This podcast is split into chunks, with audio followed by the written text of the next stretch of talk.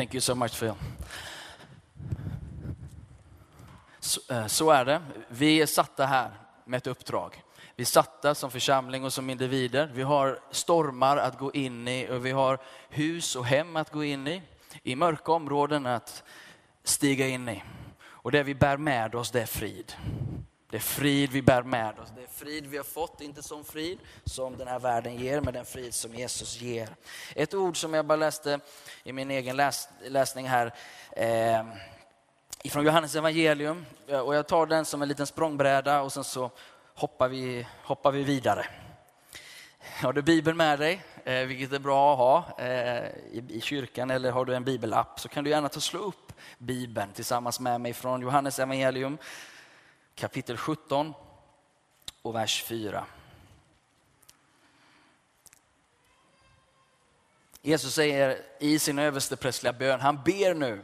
Eh, och det är en väldigt eh, naken bön, han är liksom väldigt öppenhjärtig i detta. Och där så säger han det här, Fader, jag har förhärligat dig på jorden genom att fullborda det verk som du har gett mig att utföra. Jag har fullbordat och därför förhärligat. Jag har gjort det du gav mig att göra och på det sättet har jag förhärligat dig. Jag tänker väldigt enkelt, det här rimmar in i mitt hjärta. Jag tänker, jag vill bara utföra, jag vill bara göra det han har bett mig att göra. Jag vill bara hålla tag i den biten. Vad den är, stort eller smått, så vill jag bara göra det. Och fick nåden att hålla fokus på det. Att mitt i detta hav av behov, hav av människor, hav av elände, vad är det han har gett oss att utföra? Vad är det för stormar som han ber oss gå in i? För det är så att när du väl har fått tag på friden på insidan, då, då, är det inte bara så att stormar är någonting som kommer och som, som attackerar våra liv, utan vi väljer faktiskt att gå in i stormarna. Det är skillnad än att leva ett liv i rädsla, än att leva ett liv i tro. För när Jesus sänder ut sina lärjungar, eh, har vi några lärjungar här idag? Om du, du kan vinka lite så här svenskt. Om du är lärjunge. Då är det så att Jesus säger så här, jag sänder er in, inte som vargar bland lamm eller får, utan som får bland vargar. Det är att gå in i stormen, det är att gå in på en plats som utåt sett ser farlig ut, som ser obekväm ut och som ser mörk ut. Men Gud sänder oss in med frid in i stormen. Och jag tänker mig, jag bara, några saker som, som har liksom ringt i mitt hjärta, som jag tror är till några här idag.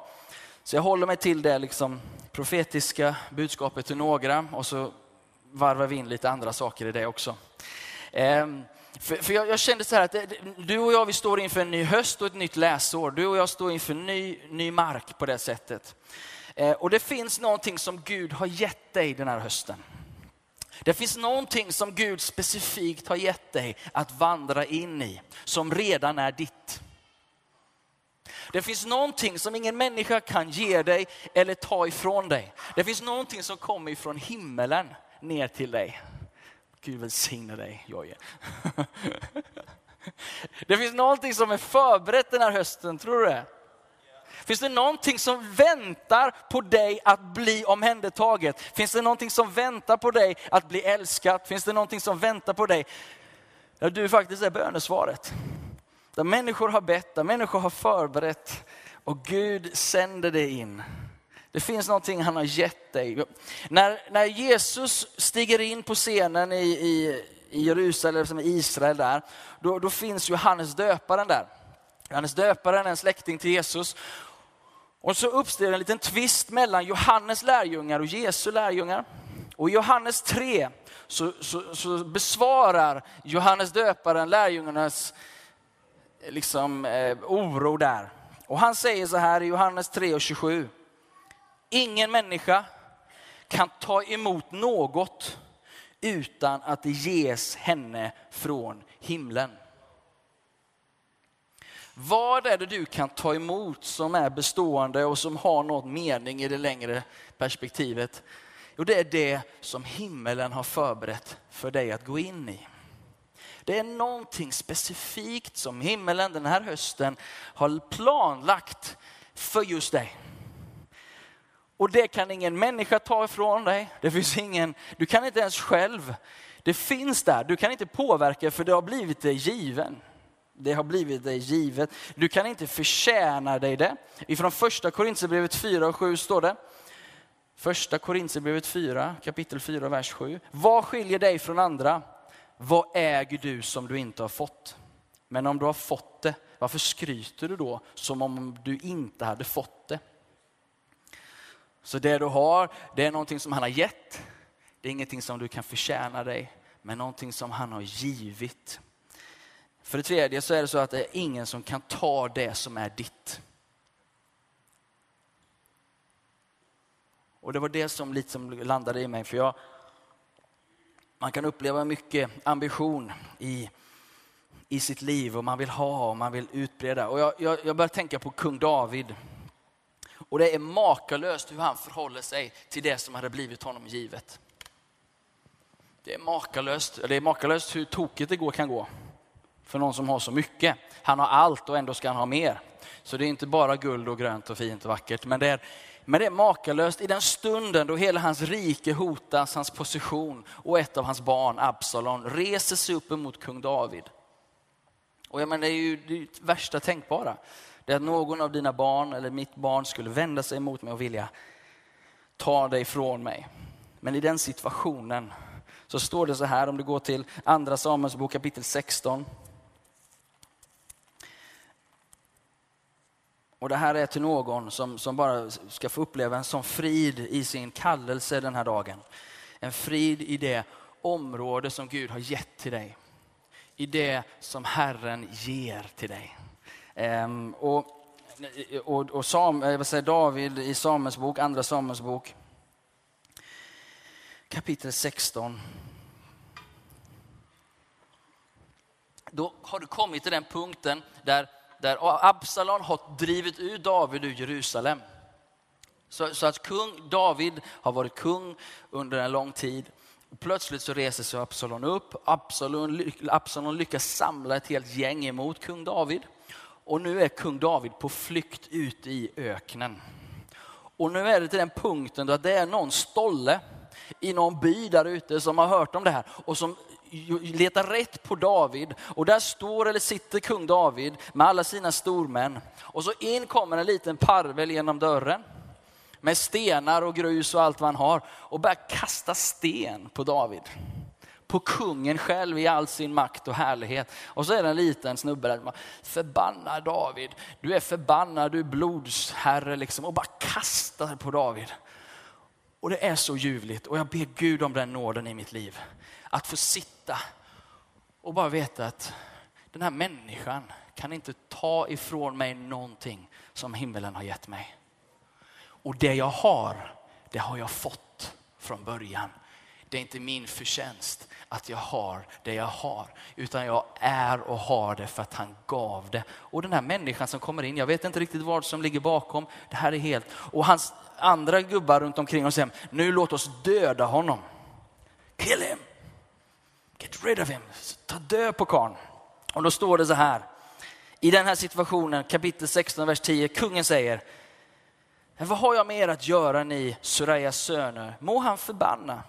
Ty om Herren har befallt honom att förbanna David, vem kan då säga varför gör du så? David sa vidare till Abisai och alla sina tjänare, se, min son som har utgått från mitt eget liv söker att döda mig. Skulle då inte en benjaminit, eh, benjaminit vilja det? Låt honom vara, låt honom förbanna. För Herren har Herren befallt honom det. För Herren har befallt honom det, säger han. Och kanske skall Herren se till mitt elände så att Herren vänder hans förbannelse idag mig till godo. Det ordet är till någon den inre vissheten, känslan inför den höst som kommer. Att du får bara veta att Gud har gett dig någonting.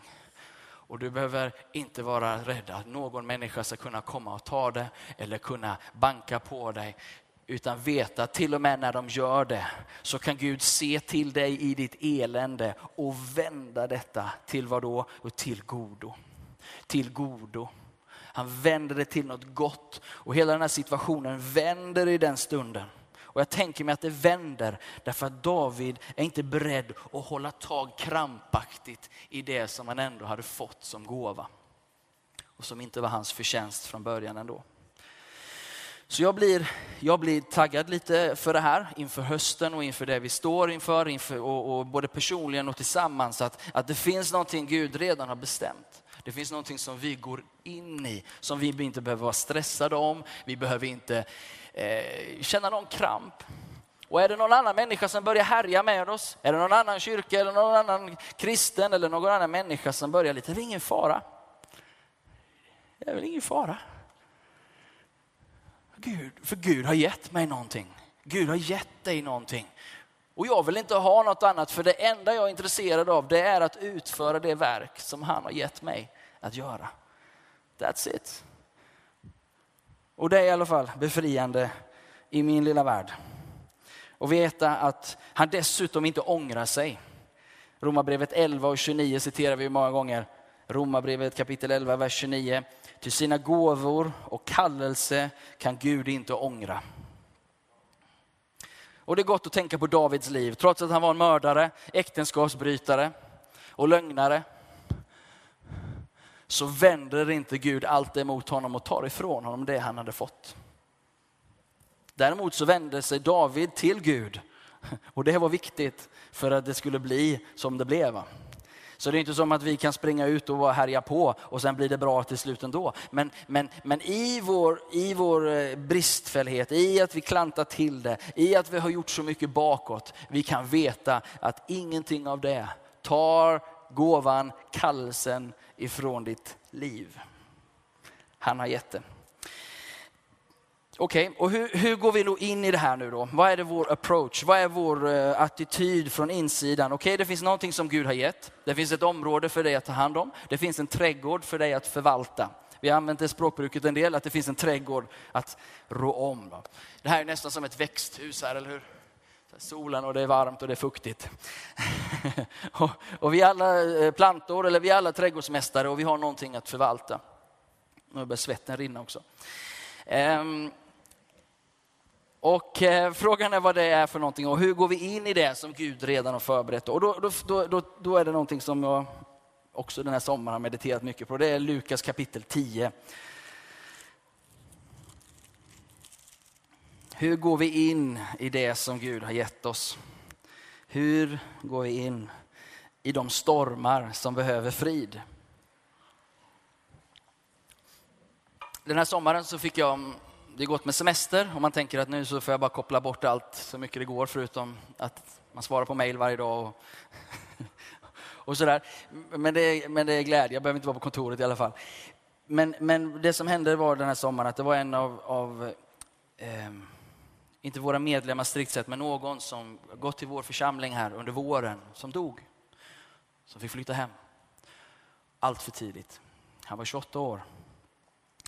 Ehm, och jag tror inte så många av er känner honom, men ni, ni skulle veta vem det var om jag beskrev honom. Ehm, och Kristoffer hette han. Och, och, du ska veta en sak Peder, att den kramen du gav till Kristoffer här nere någonstans, det gjorde hela skillnaden för den mannen. Det berättade han för sina vänner, det berättade han för sina föräldrar. Han fick upprättelse i en kram. Jag vet inte hur långt efter detta skulle ske när han blev skjuten, men han, den kramen gick rakt in. Det är så lite som behövs ibland i ett stormigt hav. För det betydde att det fanns upprättelse. För han kände Peder sedan tidigare och de hade haft lite andra saker att prata om tidigare. Men den kramen satte någonting av Guds kärlek i honom. Det finns en hel del kramar att utdela den här hösten massa förlorade får som behöver omsorg. Den ehm, 19 juni så var han på gudstjänst där för sista gången tillsammans med sin mamma. Och sen några dagar senare så blev han skjuten. Och när jag hörde det och familjen hörde av sig och bad mig komma och, och få vara med och hålla i den här begravningen, då är semester ingenting. När Gud öppnar dörr för att få vara med och krama om människor. Att få, få, få ge kärlek, ge frid, ge, ge en, en bild på, på vem Gud är i det här. Jag vet inte om det är någon här idag som var med på begravningen, men är det det? Jag kände bara en på den begravningen och det var han som låg i kistan.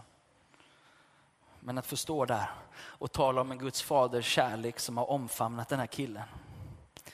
Både här på jordelivet men också nu i evigheten. Att Lukas 15 om den förlorade sonen som har varit ute och härjat och dundrat på allt möjligt. Men fick komma in i Guds faderns kärleksfamn och uppleva upprättelse både andligen och fysiskt genom en människa som kramar om honom. Hur det gudomliga och det mänskliga samverkar. Och sen få stå på begravningen och säga, vet ni vad? Att Kristoffer är mottagen och det är fest för honom nu. Fadern har sprungit honom till mötes. Kysst honom. Sagt att nu slaktar vi den bästa kalven för nu är Kristoffer hemma. Och få säga till alla, ni är medbjudna vet ni vad. Vi sörjer här idag därför att vi fått bryta kontakten med Kristoffer för en stund, men alla är välkomna. Få ta emot pappa Guds stora bamsekram och bjuda in honom på festen. I Lukas 10 så säger Jesus så här. Jag sänder ut er två och två och jag sänder er till varje plats där jag själv ska komma. Han sänder oss dit han själv vill komma. Och han säger till dem, skörden är stor. Det är många kramar som behövs. Förstår ni bilden? Det är gigantiskt mycket kärlek som behövs där ute. Gigantiskt mycket kärlek. Gigantiskt mycket kärlek. Jag hörde ett påstående idag på New Wine-konferensen i somras som, som jag tyckte bara var så bra. Alan Scott sa så här, han pratar om att gå in i, på platser där, där evangeliet inte har varit, där evangeliet inte är representerat. Och han sa att varenda man som knackar på dörren till en prostituerad bultar egentligen efter Gud.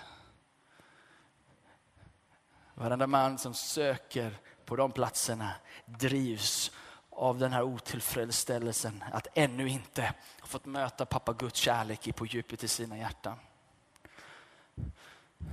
Männen i den här staden ska inte behöva gå till de prostituerade.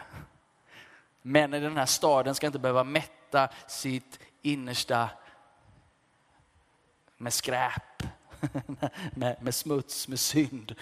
När det finns något så mycket bättre. Låt oss ge dem. Skörden är stor och gigantisk. Det är så mycket behov av kärlek. Det är så många män där ute som har vuxit upp utan män, utan pappor. Det är så många män som inte har några förebilder. Det finns så många män som, som är så tomma, har inga relationer. De lever sitt glassiga liv om de är i Stockholm och på Stureplan. Men de har inte tillräckligt mycket i sina liv så att de måste gå till en gripande prostituerad. Eller köpa sig eller fixa sig på ett eller annat sätt någonting som går djupare och som berör lite djupare. Skörden är gigantisk. Den här veckan ser vi längtan efter det lustfyllda, lustfyllda sexet, lustfyllda att bara hänge sig ut i saker. Jag ska inte gå in på det nu, men det, bakom det finns det så mycket längtan, det finns så mycket rop efter Gud. Och vi i kyrkorna, vi kan sitta här och tycka vad vi vill om det som händer där ute. Men det enda svaret är att gå ut där och krama dem. Med evangeliet.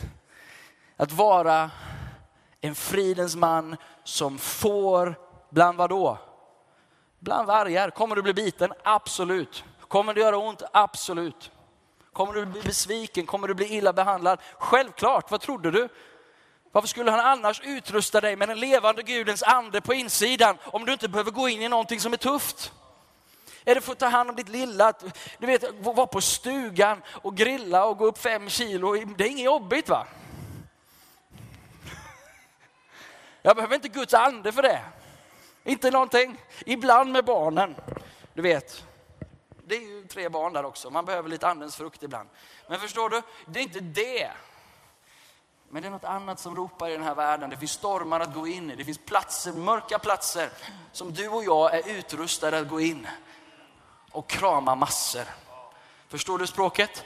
Kram, älska så som fadern älskade sonen som var förlorad och vände hem.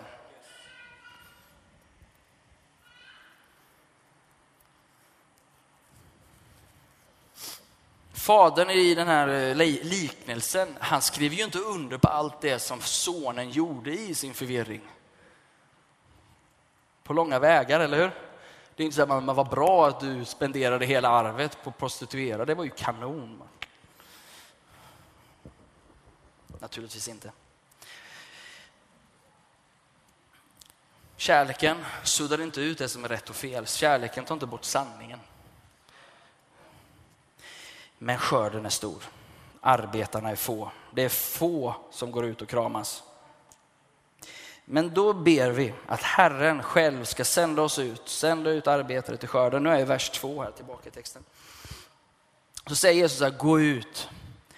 Och se, jag sänder er som lamm ibland vargar. Det är inte ens ett får, utan det är ett litet lamm. Har inte ens några horn att stångas med. Ett litet lamm. Ett oskyldigt litet lamm. Ta inte med någon börs eller lädersäck eller några sandaler. Hälsa inte på någon under vägen. Det är instruktionerna som gäller just där och då. Det är fokus just där. Det är fokus där. Om du speglar det här sen i, i Lukas 22, när Jesus återberättar det här, 22.35, så säger han, tidigare sa jag till er att ni skulle inte ta med er någonting av det här. Men nu säger jag er, nu ska ni ta med er det här och det här och det här. Så det finns olika instruktioner för olika tider. Jesus säger också till lärjungarna när de går nu, gå inte till hedningarnas områden utan gå till judarna. Lite senare säger han, gå till alla folkslag. Om du håller kvar fingret i kapitel 10 och vers 22, nej förlåt mig, och, och, och, och gå till kapitel 22 och hitta det här, eh, för det finns ett, två intressanta ord där. Eh, Lukas 22, 35. Eh, när jag sände ut er utan börs, utan lädersäck och sandaler, saknade ni något då? De svarade nej, ingenting. Men då säger jag så här, men nu, men nu, nu så ska ni ta med en börs. Men nu. Och jag tänker liksom att det finns om vi säger det, det, profetiska, när vi talar om det profetiska om du är ny i kyrkan, då, då, är det det vi uppfattar som är liksom det angelägna Gud talar om just nu. Det som är liksom den nu-händelsen. Och det är intressant att det finns ett men nu. Nu hanterar vi det lite annorlunda. Förut gjorde vi det så här, men nu, nu gör vi så här. Och att vi hänger med på de där men nu, nu händer någonting. Nu är det någonting som förändras i sättet vi gör det här på. Tillbaka i kapitel 10. Och nu till den här nyckeln som jag tror att vi ska bära med oss. Eh, I att hantera vilka stormar ska vi gå in i och vilka hus ska vi gå in i. För det står att vi ska gå in i hus. Då står det så här, när ni kommer till ett hus, vers 5 nu. Säg då först, tillbaka i kapitel 10, vers 5.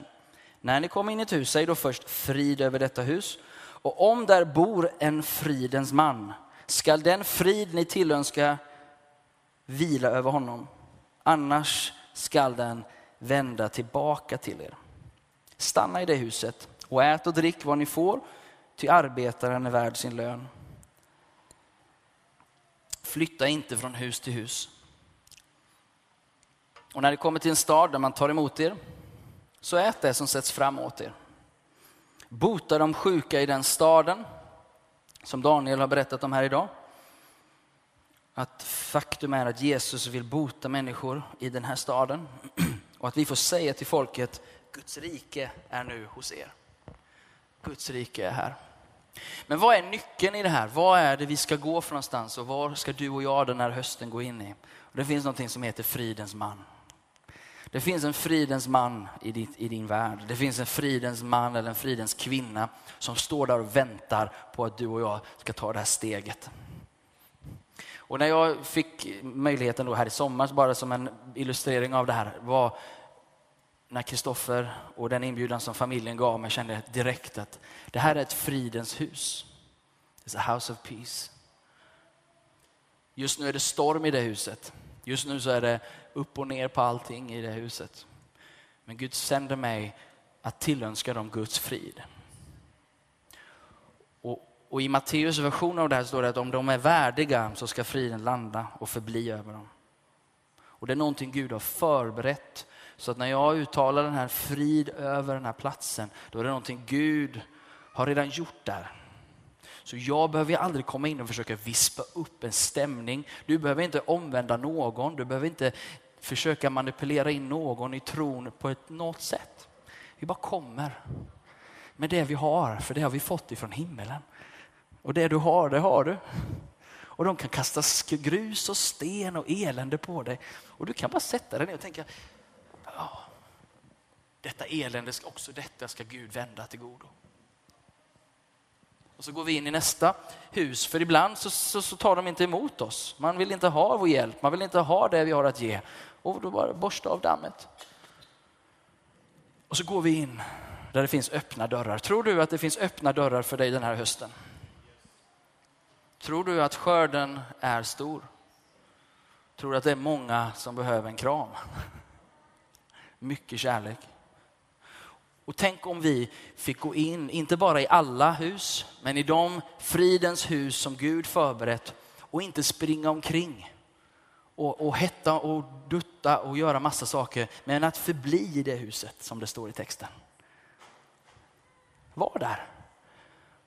Och se till att evangelium blir etablerat i det huset. Se till att evangelium får skjuta ner i det huset. Att evangelium får sätta rot, att friden får verkligen ta plats och fäste i det hemmet. Gud har för oss alla i det här rummet förberedda hem och situationer där du är fridens man, sänd till en fridens man. En fridens kvinna till en fridens man eller kvinna. Och då delar vi upp den här gigantiska skörden, inte i en enda stor liksom behovshav. Utan det finns någon. Jag tänker på Jesus vid Betesda-dammen. Massor sjuka. En damm. Ängeln skulle komma och sätta det här i rörelse. Men Jesus går fram till en man och botar en den dagen. Och det var okej okay den dagen. Det fanns en och krama om Guds rike den dagen. Så att Guds rike välde in på ett sånt sätt att han blev fullständigt botad den dagen. Men det var inte den dagen då alla skulle bli botade. Det var inte det. Men stackars de andra, absolut. Men det, det, det, de, vi kan filosofera över massa av de bitarna. Men, men, om vi ska vara lite bara pragmatiska och hur vi vill leva våra liv. Gå in i de hem, gå in i de relationer där, där en fridens man, där, där, där frid tar emot dig och där du får ge frid. Då menar jag inte att frid råder, för det kan vara kaos, eller hur? Det kan vara kaos, men jag menar att det finns en öppning.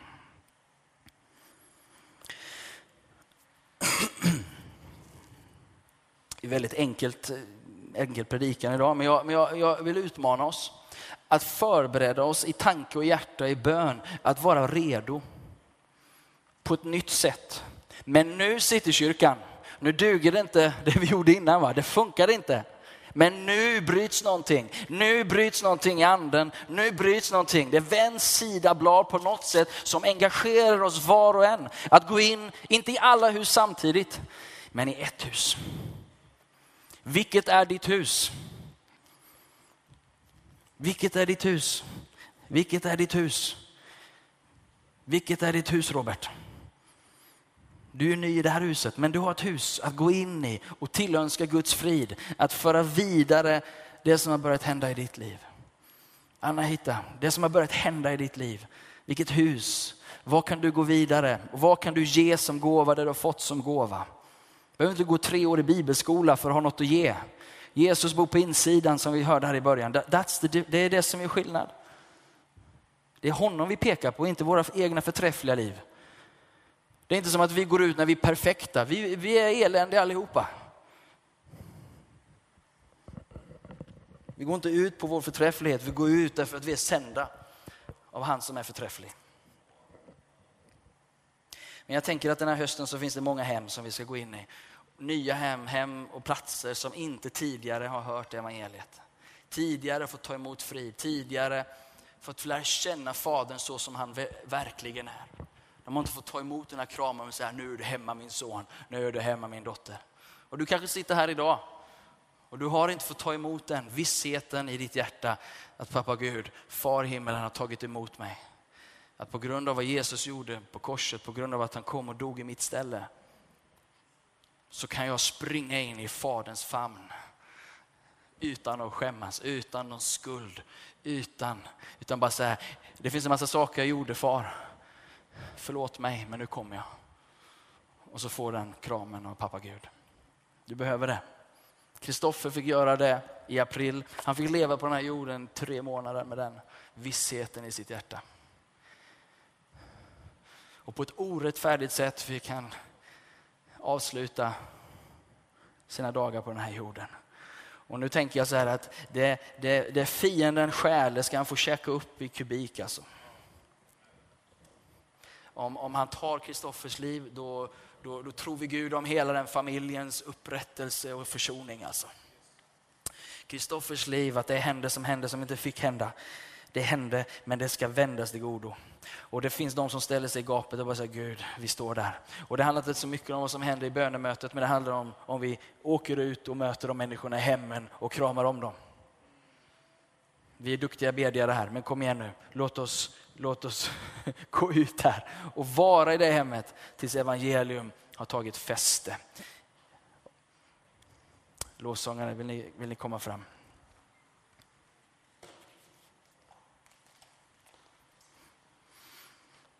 För när vi går in i de här hemmen som är förberedda, ja, vi, eh, vi fick fi, eh, fira semester, jag var på semester med en familj några dagar. Um, en familj som har eh, vuxit upp i kyrka och, och, har väldigt mycket kunskap och sådär. Men det har blivit fel. Liksom. De, det har vänt sig i magen på dem. Det, det, det blev tokigt på vägen. Och det har varit väldigt svårt att att nå fram kanske och försöka ge en annan bild under många år som vi har känt den här familjen.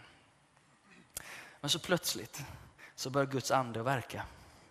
Plötsligt så händer någonting på insidan som du och jag inte styr över.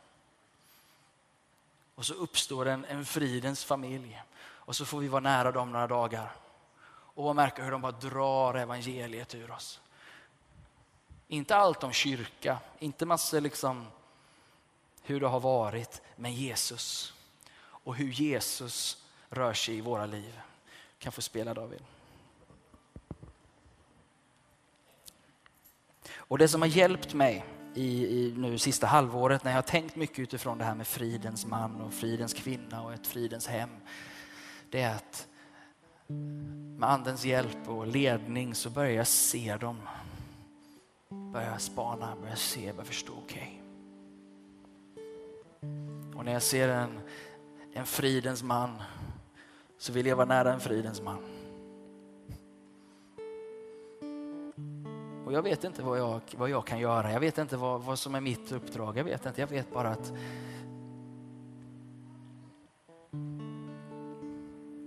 vi tar en fika och så får vi se vad som händer. Eller hur? Gå hem och ät lite. Ät det som bjuds.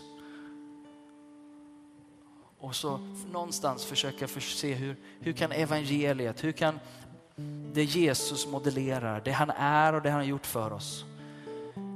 Hur kan det få bli verkligt i vårt samtal? Hur kan det hjälpa oss? Hur kan det föra oss vidare?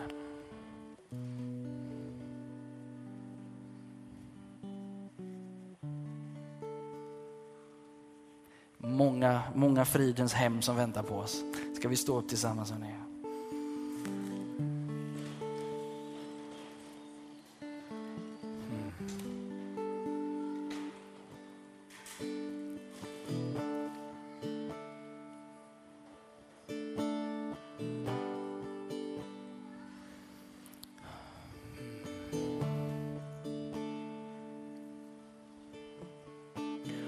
Om du står här idag och det är absolut inte frid i ditt hjärta. Om du kom idag till kyrkan och du hör vad jag säger och du vill vara ett sändebud av frid. Men det är inte det som råder i ditt hjärta idag. Eller i alla fall inte när du kom in genom dörrarna idag. Så jag, har, jag tror att Gud vill betjäna dig först idag. Jag tror att Gud vill komma dig nära. Om du behöver vända dig bort ifrån elände, synd och bråte som den här förlorade sonen gjorde i berättelsen och behöver springa hem så är idag en bra dag att springa hem. Idag är en bra dag att säga Fader förlåt mig för att jag vänder mig bort ifrån dig. Ta emot mig på grund av Jesus. På grund av Jesus, ta emot mig idag. Låt mig få komma hem idag. Låt mig få frid idag. Det råder som tumult på insidan. Det låter så mycket kamp och strid här inne. Jag vill ha frid med Gud och jag vill ha frid i mitt hjärta. Vi kan väl göra så att vi blundar inne i den kyrkan idag och så vill jag fråga dig idag. Finns du här idag som vill ta emot Guds frid genom Jesus? Att ta emot syndernas förlåtelse och ett nytt liv den här söndagen. Du kom till kyrkan och visste inte riktigt vad du skulle förvänta dig. Men idag så har du möjlighet att från din sida säga Herre, jag vill ha den här friden. För jag har den inte. Så där du står i all enkelhet så bara lyfter du dina händer framför dig. Så kan du få ta emot Guds frid just nu. Om du är här idag och du vill ta emot Guds frid så bara lyft dina händer framför dig så kommer Gud dig till möte just nu. Är det någon mer som, som behöver Guds frid genom Jesus idag? En kvinna till här.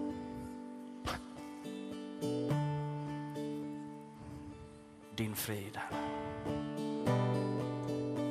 Guds frid.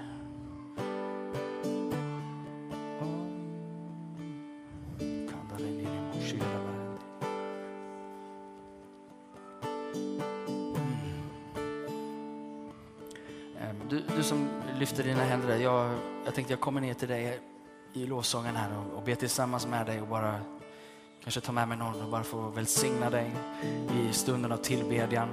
Och, och, resten av oss, vi får bara vara med och tillbe Gud en stund här. Och, och Gud gör dig redo och mig redo att gå ut och bli sända. Låt oss tillbe medan vi bara bekänner. Jag skulle bara också vilja, vi bad innan här Eh, Eh, ett böneteam som ber innan vi börjar gudstjänsten och eh, Gud talar. Och om du känner igen det här så skulle vi verkligen vilja inbjuda dig till bönen som kommer vara på, på vänster sida av plattformen. Eh, vi tror verkligen Gud vill säga till någon här inne, kan jag vara fler, att ingenting är omöjligt för Gud. Om du befinner dig i en situation som du känner är övermänsklig nästan, eller det är otroligt tufft, precis som vi har hört talas här lite innan, så vill vi skickar med Matteus 19.26 där Jesus säger att Jesus på, såg på dem, sina lärjungar, och sa, för människor är det omöjligt. Alltså det är omöjligt för dig. Om det upplevs omöjligt så är det för att det troligtvis är det. och så fortsätter han, men för Gud är allting möjligt. Och jag tror verkligen det är sanning som vi går fram. Det andra var faktiskt frid i relationer. Frid som vi har hört flera gånger nu, bara bekräftat. Om du vill ha frid i vissa relationer vill veta när vi gärna be för dig. Smärta i höger arm, eh, hela armen eller delar av den. Eh, och sen så om du har hjärta för familjemedlemmar, om du har familjemedlemmar, du kanske är en mamma som har barn som inte är troende än, så vill Gud välsigna dig och dina barn. Och dina familjemedlemmar som inte känner Jesus än, så skulle vi jättegärna vilja be tillsammans med dig. Så om alla förebedjare kan vi kan ställa oss där. Eh, och om du har smärta i din kropp, kom jättegärna också. Smärta i leder, eh, det kan vara migrän, vad som helst så är böneplatsen öppen för dig också.